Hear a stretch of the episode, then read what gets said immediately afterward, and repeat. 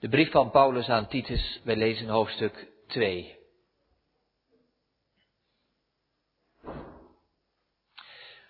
En wij lezen daar als volgt, maar gij spreekt hetgeen de gezonde leer betaamt. Dat de oude mannen nuchter zijn, stemmig, voorzichtig, gezond in het geloof, in de liefde, in de leidzaamheid. De oude vrouwen insgelijks dat zij in hun dracht zijn gelijk de heilige betaamt.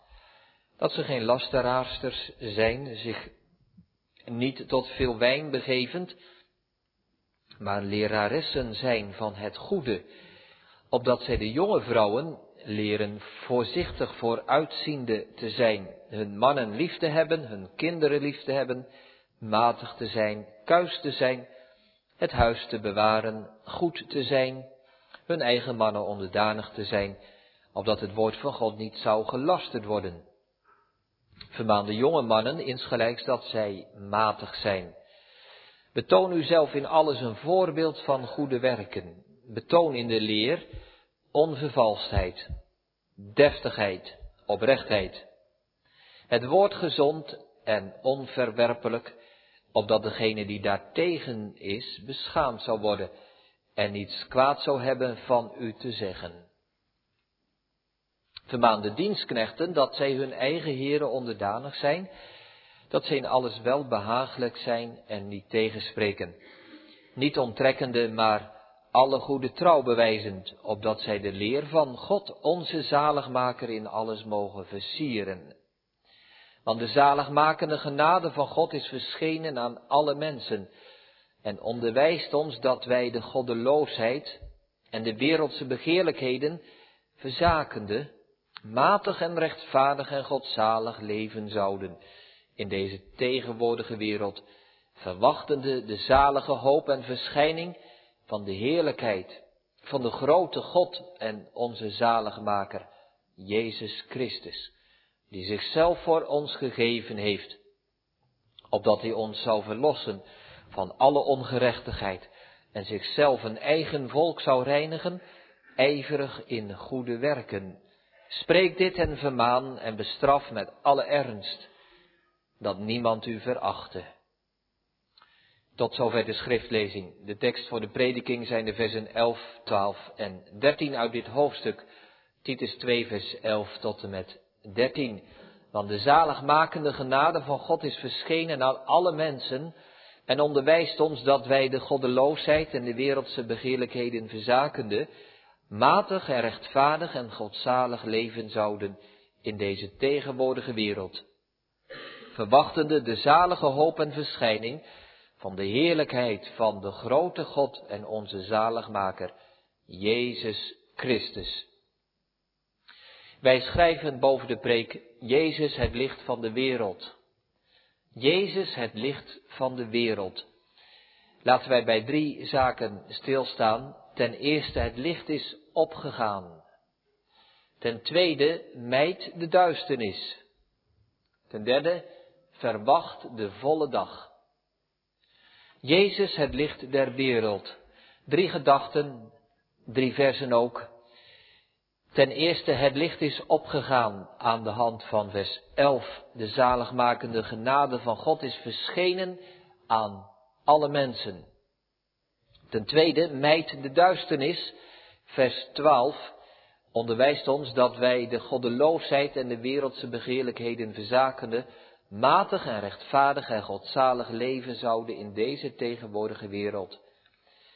Mij de duisternis. En ten derde verwacht de volle dag, vers 13, verwachtende de zalige hoop en de verschijning der heerlijkheid van de grote God en onze zaligmaker, Jezus Christus. Wij zingen als inleiding op de verkondiging uit de lofzang van Zacharias. Gemeente, we schrijven dus boven de preek Jezus het licht van de wereld. En onze eerste gedachte is, het licht is opgegaan. Kinderen, misschien hebben jullie wel eens een keer s'nachts een tocht gemaakt. Op de fiets of misschien wel lopend. Dat je in de nacht het bos inging. En dat je daar in de, in de duisternis en in het donkere van het bos loopt en luistert en probeert te kijken. Ja, waarom doe je dat s'nachts? Overdag is er toch ook genoeg te zien? Ja, inderdaad. Maar als je s'nachts gaat, kun je hele andere dieren zien dan wanneer je overdag gaat. S'nachts kun je de nachtdieren zien en overdag zie je de dagdieren. Wanneer je overdag naar het bos gaat, dan kun je de eekhoorns zien, de vlinders, de zangvogels. Maar s'nachts kun je misschien wel de uilen zien vliegen. Of zie je de vossen. Dan zie je de nachtvlinders. Dan zie je hele andere dieren. Zo zijn er dus dagdieren en nachtdieren. En die dagdieren die slapen s'nachts en wanneer dan s'morgens de eerste stralen van de zon komen, dan worden die dieren wakker. Wanneer de dag komt, worden zij wakker en beginnen ze als het ware te leven. Maar die nachtdieren, dat is precies andersom. Wanneer het licht komt, vluchten zij weg. Dan zoeken zij de duisternis op. Nou, nu zou u kunnen zeggen, was nu het mooiste moment om het bos in te gaan? Is dat midden op de dag? Of is dat midden in de nacht? Nou, het mooiste moment is als je in de schemering gaat. Wanneer het een beetje licht begint te worden. Want dan kun je die dieren misschien wel allemaal zien, de dagdieren en de nachtdieren. In de schemering. We zouden die lijn door kunnen trekken en zeggen dat wij mensen allemaal in de schemering leven. In de schemering. De nacht is voorbij, de dag komt, maar, maar het is nog niet helemaal de volle dag. Er is inderdaad al licht aan de horizon. De eerste stralen van de zon zijn al te zien. Nou, dat beeld gebruikt Paulus hier in Titus 2. Dat verschijnen van de zon.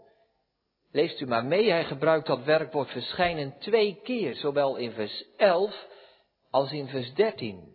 In vers 11 zegt hij, de zaligmakende genade van God is verschenen. Die is begonnen te schijnen aan alle mensen. Dus dat is al achter ons.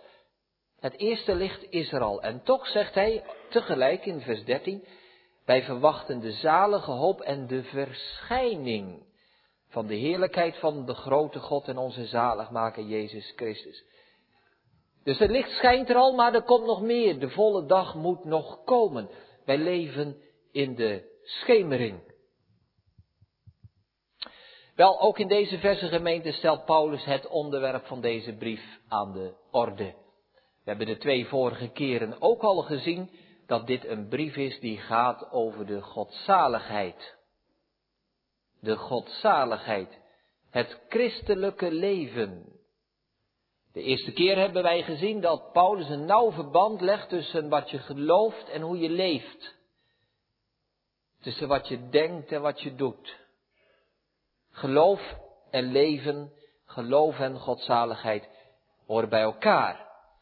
We hebben de vorige keer gezien dat er een vorm is die wel op godzaligheid lijkt, maar het niet is.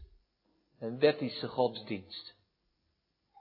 Die wel de gedaante van godzaligheid heeft, maar de kracht daarvan verlogend. Namelijk dat geloof in de Heer Jezus. Dat is de kracht, de basis, de grondslag van een godzalig leven. Laten wij nu vanmorgen zien hoe dat dan samenhangt, wat dat wat dat godzalige leven dan is, waar dat uit voortkomt en wat dat doortrekt en kenmerkt. Als we deze drie versen zo overzien, 11, 12 en 13, dan zouden we het zo kunnen zeggen dat vers 12 die godzaligheid het meest direct verwoordt. Dat is dat onderwijs dat wij de goddeloosheid en de wereldse begeerlijkheden verzaken, achter ons laten, afkeuren en juist matig, rechtvaardig en godzalig leven in deze tegenwoordige wereld.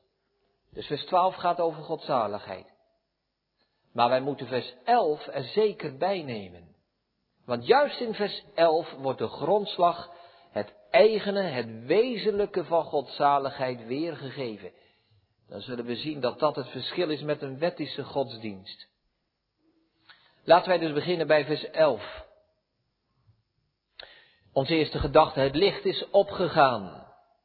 De zaligmakende genade van God is verschenen aan alle mensen, schrijft Paulus. Wij moeten ons de duisternis van deze wereld dus voorstellen als een inktzwarte duisternis en donkerte. En dan in die duisternis komt er licht. En dat licht, zegt Paulus, dat is die zaligmakende genade van God. Er staat ook bij dat die verschenen is aan alle mensen. Laat ik daar eerst even wat over zeggen. Alle mensen betekent dat alle mensen, hoofd voor hoofd, iedereen die vanaf het begin van de wereld tot nu geleefd heeft. Nee, dat betekent het niet. Er zijn mensen nu en er zijn in het verleden mensen geweest die nooit van de Heer Jezus hebben gehoord. Die er niet van weten. Die onbekend zijn met dit evangelie. In zekere zin moeten wij zeggen dat die genade van God aan hen dus niet verschenen is. Ja, zegt u, maar er staat toch aan alle mensen? Ja, als we dat lezen in het verband, dan wordt dat al gauw duidelijk. Dat betekent dus aan allerlei soorten van mensen. Want die heeft Paulus zojuist opgenoemd. Oude mannen, oude vrouwen, jonge vrouwen, jonge mannen, dienstknechten. Allerlei mensen. Zonder uitzondering. De genade van God is aan hen verschenen. Allerlei mensen. Ik denk gemeente dat in vers 11 de nadruk niet ligt op dat woordje alle mensen, maar op dat woordje zaligmakend. Hoe is God aan ons en aan allerlei mensen verschenen? Is God verschenen in een wat wij dan noemen de algemene genade. Ja, God verschijnt aan alle mensen in die algemene genade. Je hoeft maar om je heen te kijken in de natuur en de schoonheid en de overweldigende pracht te ontdekken en te beseffen dat er een God is die dit alles geschapen heeft. De algemene genade, dat wij hier alle wel doorvoed mogen zijn en dat wij genoeg te eten hebben. Dat is Gods algemene genade. Maar het gaat hier over die zaligmakende genade. God verschijnt aan ons in zijn zaligmakende genade. Dat licht geeft ons de zaligheid. En dat licht is opgegaan. Het is verschenen. We mogen denken gemeente aan die paasmorgen. Toen Jezus is opgestaan, zeer vroeg in de morgen. De nieuwe dag is begonnen. Toen hij uit de duisternis en uit de dood en uit het graf is opgestaan. En nieuw leven en nieuw licht teweeg gebracht heeft. Toen is het licht gekomen. En het is doorgedrongen in de duisternis van deze wereld. Daar hebben de profeten van gesproken. Het volk dat in duisternis zat, heeft een groot licht gezien. En aan hen die zaten in het land en in de schaduw van de dood, aan hen is een licht opgegaan. Simeon heeft ervan gezongen in de tempel. Een licht tot verlichting van de heidenen. Johannes schrijft erover aan het begin van zijn evangelie. Een licht verlichtende, verlichtende, een ieder mens komende in de wereld. Gemeente, vanmorgen zijn we in de kerk. En wij horen de boodschap van de zaligmakende genade van God. Die verschijnt aan ons allemaal. Die verschenen is. Wat is de boodschap waar wij naar mogen luisteren in de kerk? Is dat de boodschap dat God hier en daar zo een paar spikkeltjes genade rondstrooit? Te weinig om dood te, te veel om dood te gaan, maar te weinig om werkelijk van te leven. Is dat de genade van God? Nee, gemeente, hij verschijnt met zaligmakende genade. Hij komt vanmorgen met de boodschap tot u en tot jou dat je zalig kunt worden. En dat die heerlijkheid verschenen is dat Jezus uit de dood opgestaan is. Dat doet mij denken, gemeente, aan dat voorval van een dominee ooit in Amsterdam. Dominee Buskus. Hij kwam op bezoek bij mensen ergens in een grote flat. Die mensen die kwamen nooit in de kerk. En hij belde aan. Hij stond daar onderaan in het trappenhuis met zijn ouderling om op huisbezoek te gaan.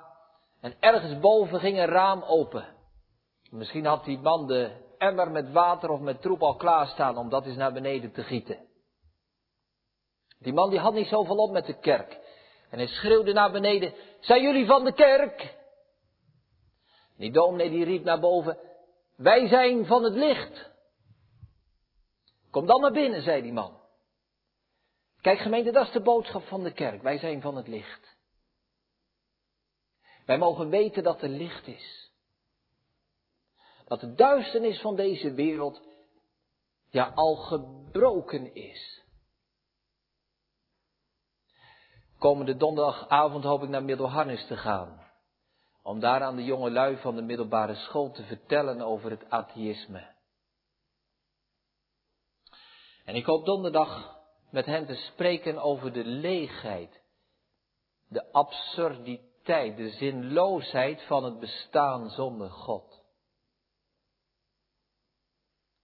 Het heeft mezelf weer aangegrepen, gemeente, als je daar weer mee bezig bent en dat je denkt, als God er nu niet is, hè, als God nu echt werkelijk niet zou bestaan, wat is deze wereld dan leeg? Wat is ons bestaan dan zinloos? Wat is er dan donker, hè? Wat is er dan donker? Wij leven maar en we leven maar en dan komt het moment en we zijn dood en niemand die ons ooit meer herinnert. Over honderd jaar zijn we vergeten, over duizend jaar helemaal en over een paar miljoen jaar is de hele aarde in de dood weggezakt. Uitgeblust. Is dat het dan, gemeente?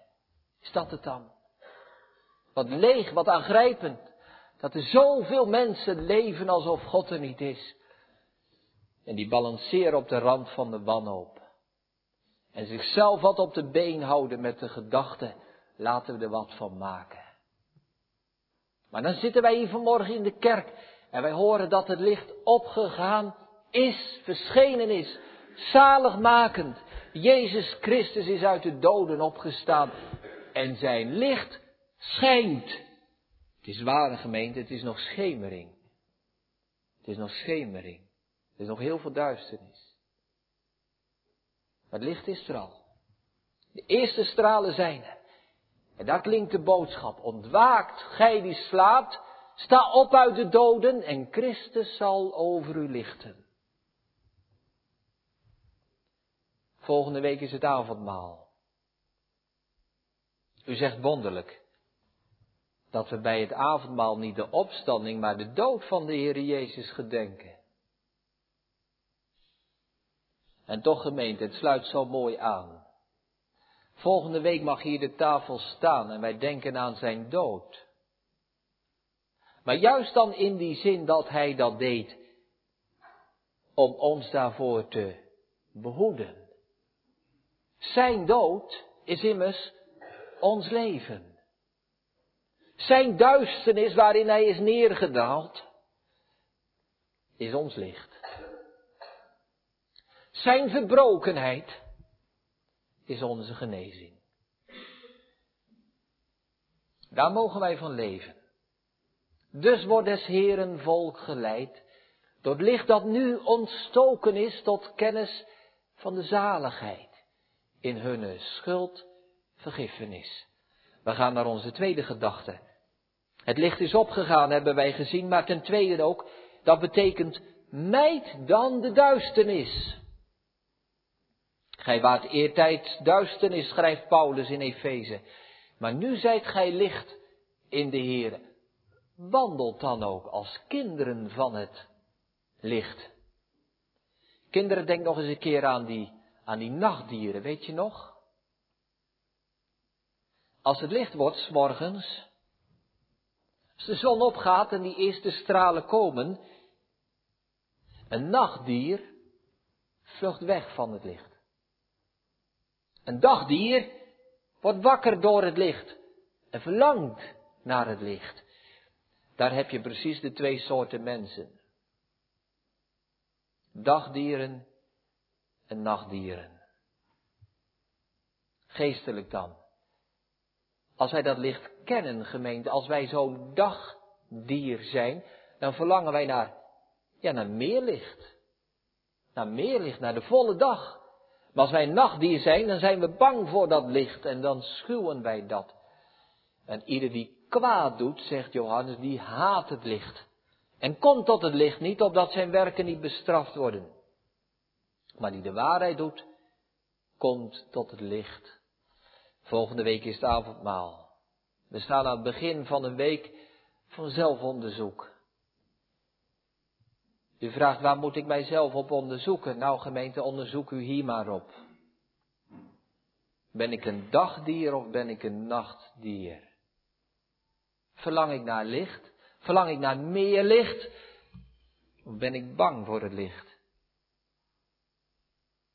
Zo kunnen wij dat vers dan ook lezen, vers 12. Daar worden de werken van de duisternis en de werken van het licht genoemd. Die boodschap van Gods genade onderwijst ons dat wij, en daar komen ze, de werken van de duisternis, dat wij de goddeloosheid en de wereldse begeerlijkheden zouden verzaken, zouden afleggen. Dat zijn de werken van de duisternis. Goddeloosheid, nou dat is duidelijk. Dat is geen werk van het licht. Openlijke goddeloosheid. Openlijk uitleven. U zegt, ja, dat doe ik niet. Dat andere dan misschien. De wereldse begeerlijkheden. Daar heb je het alweer gemeend. Het gaat om je hart, hè. Die begeerte, die wereldse begeerten, die kunnen in ons hart zitten. En wij hebben diezelfde dingen, wij vinden dezelfde dingen belangrijk als die de wereld belangrijk vindt. Wij verlangen en begeren naar, naar macht, naar geld, naar genot. Macht, geld, genot. Dat zijn wereldse begeerlijkheden. Dat is de duisternis. Wie van ons kan zeggen, die duisternis is uit mijn hart verdwenen zijn de kenmerken van de nachtdieren. Die gaan daarin op, die leven daarvoor, voor macht, voor geld, voor genot. Nee, zegt Paulus, wij moeten dat verzaken, we moeten dat afleggen. Als je een dagdier bent, dan mijd je die duisternis. En daartegenover geeft hij de kenmerken van de kinderen van het licht, die verlangen naar de werken van het licht. En hij noemt er drie. Wij moeten dan, wij zullen dan matig, rechtvaardig en godzalig leven. De kanttekeningen die zeggen matig, dat wil zeggen zoals ik leef ten opzichte van mezelf. Rechtvaardig hoe ik leef ten opzichte van mijn naaste. Godzalig hoe ik leef ten opzichte van God. Dus de kenmerken van een kind van het licht die raken hoe je jezelf ziet, hoe je de ander ziet en hoe je God mag zien. Matig, rechtvaardig en godzalig. Dat woord matig, dat moet ik wel even uitleggen. Ik weet niet of het nu nog op de rapporten van de kinderen staat. Hoe je bent in vlijt, gedrag en netheid, geloof ik, die drie. Als dat goed is, dan is dat, dan is dat prima. Maar als dat matig is, dan kom je thuis met je rapport en dan zien je vader en moeder, je gedrag is matig of je vlijt is matig. Dan zeggen ze, we willen eens even met jou praten. Er klopt iets niet. Matig is niet zo'n goed woord. Nou, zo moeten we het hier niet lezen. Matig wil hier niet zeggen dat het ondermaats is, te slecht. Maar matig wil hier zeggen gematigd. Er zit een maat aan. Je kent je grenzen. Je bent dus niet onmatig, maar je bent gematigd. Christelijk leven is matig gemeente. Dat betekent niet dat het sloofs en sleets is. Je mag zoveel dingen niet, je kunt niet echt leven, het is altijd maar matig leven. Nee, zo niet. Het is gematigd leven. Je kent je grenzen. Denk maar aan een sporter. Iemand die mee wil doen met een wedstrijd, die de eerste prijs wil halen. Die gaat voor goud, die leeft matig, die kent zijn grenzen, die gaat op dieet. Want zonder dat haal je het niet. Het is de matigheid van de reiziger. Die krachtig, die sterk moet zijn en die niet overmatig moet leven, want dan kun je de reis niet volbrengen. Het is de matigheid gemeente van de pelgrim. Van de man die op reis is naar een beter vaderland. En zo is een christen matig. Je perkt jezelf in. Omdat je doel verder ligt. Je bent matig in deze tegenwoordige wereld, zegt de tekst. Je bent ook rechtvaardig ten opzichte van de ander. Matig voor jezelf, rechtvaardig voor de ander. Prachtig gemeente dat een christen zo wordt genoemd. Een christen is een rechtvaardig mens. Een eerlijk mens. Daar kun je van op aan. Dat zijn mensen die niet achter je rug om over je roddelen en over je slecht spreken. Maar dat zijn mensen die, die hebben geen dubbele bodem. Die zijn rechtvaardig. Die durven, als het nodig is, je ook de waarheid te zeggen. Rechtvaardige mensen. God zelf wordt in Psalm 72 zo genoemd, rechtvaardig, wijs en zacht. En zo is de christen nu ook. Zo staat hij in het leven, zo staat hij ten opzichte van andere mensen. Rechtvaardig. En hoe staat hij ten opzichte van God? Godzalig. Daar heb je dat woord weer. Godzalig. Christelijke leven gaat niet op in de relaties tot jezelf en tot de anderen en dat is het dan. Je bent een goed mens. Maar het is ook een godzalig leven. Je leeft voor God. Je leeft voor het licht, zouden we mogen zeggen, in het thema van deze preek. En dan de vraag gemeente, leven wij zo? We zullen straks die lijst horen in het avondmaalsformulier. Leef ik matig, rechtvaardig, godzalig? Verzaak ik de goddeloosheid en de wereldse begeerten? Ben ik zo'n dagdier? Verlang ik naar de werken van het licht? U zegt nou, voor mij geen plaats aan de tafel, want ik ben zo niet. Ik ben niet matig. Ik ben niet rechtvaardig. Ik ben niet godzalig.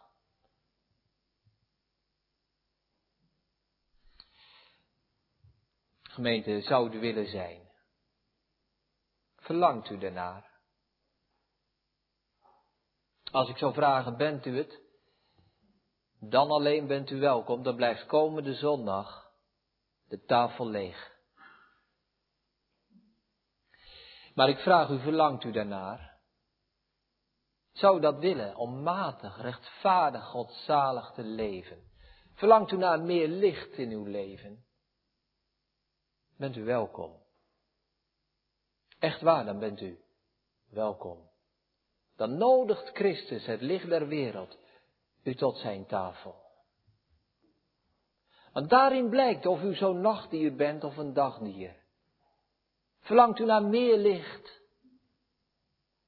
Hebt u verdriet over de duisternis? Bent u welkom. Want juist dan wil Hij dat verlangen naar licht, ja het licht zelf meer en meer in onze harten geven. U zegt, ja maar wie is er dan niet welkom aan de tafel? Dat zijn degenen die verlangen naar meer duisternis. Die vol zijn van wereldse begeerten. Dan bent u hier niet welkom. Dan moet u afblijven. Want het is een tafel voor hen die kinderen van het licht zijn. Het is de tafel voor hen die verlangen naar meer licht. Die uitzien naar de komende dag.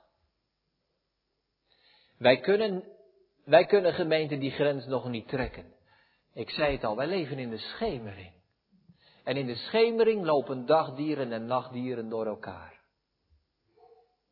En toch is het voor de een als het ware de morgenschemering en voor de ander de avondschemering. Hoe is uw leven? Leeft u in de avondschemering? Ja, het licht van het evangelie schijnt in uw leven. De zaligmakende genade van God is verschenen aan alle mensen. Maar misschien leeft u in de avondschemering en wordt het donkerder en donkerder en donkerder. Bent u een van die slechten waarvan Psalm 119 zegt, die het gemis van zulke glans een eeuwige nacht zal baren. Dat zal wat zijn, gemeente. Het licht te hebben gekend. En op weg te zijn naar de eeuwige duisternis. Avondschemering. Of mag u leven in de morgenschemering? Dat inderdaad het volle licht nog niet gekomen is. En dat de duisternis soms nog haast te tasten is. Maar u mag weten, het is de morgenschemering. En u mag heen leven naar de nieuwe dag die zeker komt. Onze derde gedachte. Verwacht de volle dag. Daarover gaat dat dertiende vers. Verwachtende de zalige hoop en verschijning van de heerlijkheid van de grote God en onze zaligmaker, Jezus Christus. We leven in de schemering, gemeente, maar het volle licht komt hoor. Het komt echt. Het zal er zijn wanneer Jezus wederkomt. Dan zal de volle dag schitteren. Dan zal hij de zon der gerechtigheid aan de hemel staan. En alle duisternis zal verdreven. En alle duisternis zal verdwenen zijn. Totdat, verwachtende de zalige hoop en de verschijning van de heerlijkheid van de grote God en onze zaligmaker, Jezus Christus. Gemeente, het gaat de goede kant op in deze wereld. Het gaat de goede kant op. Want het wordt dag. Het licht komt. De duisternis zal verdwijnen. De duisternis zal verdwijnen. Moeten wij ons daarvoor inspannen? Nee, gemeente, wij kunnen, wij kunnen dat licht niet brengen. Het komt er niet door onze inspanning, maar door zijn verschijning. Want hij zelf, Jezus Christus, is het licht. En zo mogen wij komende zondag, als de Heer het geeft, avondmaal houden. Doe dat, totdat ik kom. Dus de avondmaal tegelijk terugzien naar zijn bitter lijden en naar zijn dood. Maar het is ook een heenzien naar zijn terugkomst. Aan hem denken, tot zijn gedachtenis, totdat hij komt. Totdat hij weer komt. En het volle licht meebrengt. En het volle licht is. Heft uw hoofden omhoog, omdat uw verlossing nabij is. Zo leven wij in de schemering, gemeente, en het ene moment overvalt ons de duisternis. De duisternis in deze wereld, de duisternis in, in het bestaan van, van al die mensen om ons heen, ellende, verdriet. Soms ook de duisternis in ons eigen hart. Wat is het er nog donker?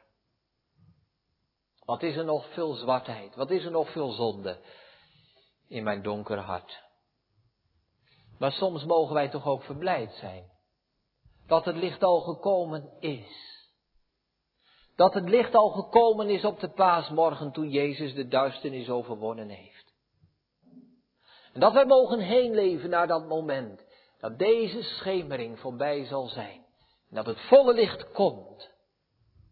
En dan verlangen wij gemeente naar de verschijning van de grote God.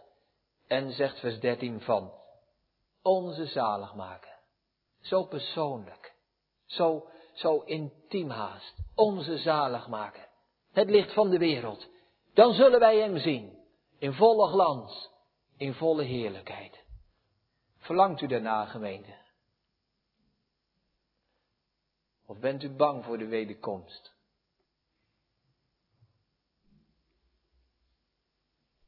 Het kan zijn inderdaad dat wij bang zijn voor de wederkomst. Zijn we dan zo'n nachtdier die bang is voor het licht? Vluchten wij omdat wij de duisternis liever hebben dan het licht? En dit is het oordeel dat in de wereld gekomen is. Zij hebben de duisternis liever gehad dan het licht. Of gemeente mogen wij Hem kennen, de Heer Jezus Christus, het licht van de wereld. En verlangen wij Hem te zien in zijn volle glans. Ik moest in de voorbereiding denken, gemeente, verlang ik er zelf zo naar. Naar de wederkomst van de Heer Jezus. Is het in onze harten vaak niet zo zwak, zo klein, zo gering, dat verlangen naar Hem, dat Hij komt en we Zijn licht mogen zien? Toch gemeente, ik hoop dat u het herkent. In ieder geval hebben we dan toch wel dit. We moeten, we moeten het voor de Heer beleiden. Wij, we leven daar veel te weinig bij, bij de wederkomst van Christus. Maar dit mag onze troost zijn, gemeente. Hij komt en hij brengt het licht. En die duisternis van nu en die schemering, die zal verdwijnen. Die zal het niet winnen. De overwinning is al behaald. Het licht komt. Laten we zo mogen uitzien. Laten we zo mogen verlangen naar komende zondag. Maar ook naar de wederkomst. Totdat Hij komt, het licht der wereld. Wat zal dat zijn, gemeente, als alles licht zal zijn? God, enkel licht. Wat zal dat wezen als wij Hem mogen zien en in Hem mogen schuilen en opgaan? Gij zult uw volken schuilplaats wezen, gij bergt hen in het licht van het goddelijk aangezicht. Komende zondag zullen wij het brood en de wijn mogen zien, mogen nemen van onze zaligmaker. Dezelfde zaligmaker die zal weer komen op de wolken des hemels. En alles zal verlichten. Want uiteindelijk gemeente is dat licht waar hierover gesproken wordt. Het licht van Christus vriendelijk aangezicht. Dan zullen wij hem mogen zien. Hij die zijn handen doorboord heeft. Hij die zijn lichaam verbroken heeft. Hij die zijn bloed gegeven heeft. Hij zal weerkomen, onze zaligmaker. En wij mogen hem zien. Amen.